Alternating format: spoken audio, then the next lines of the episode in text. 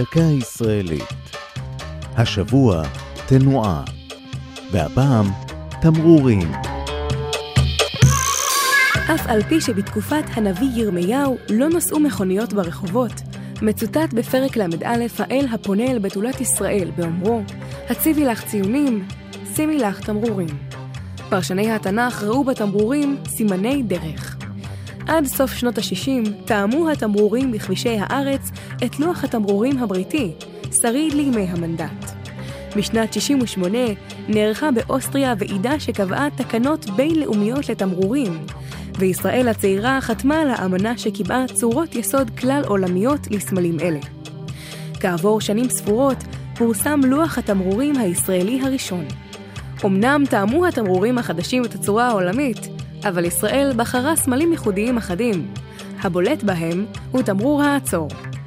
אצלנו תמרור עצור כולל כף יד, בעוד שבמרבית מדינות העולם כתובה עליו המילה עצור באנגלית. לוח התמרורים עודכן בשנת 2011. אז נפרסו ברחבי הארץ עשרות תמרורים חדשים, כמו תמרור מרובע שחור ובתוכו רכבת, שתפקידו להזהיר מפני רכבת קלה, ותמרור אזהרה משולש ובתוכו ציור של מנהרה, המתריע לקראת מנהרות ארוכות שבדרך. זו הייתה דקה ישראלית על תנועה ותמרורים. כתבה אחינועם בר, ייעוץ הפרופסור שלמה בכור, עורך ליאור פרידמן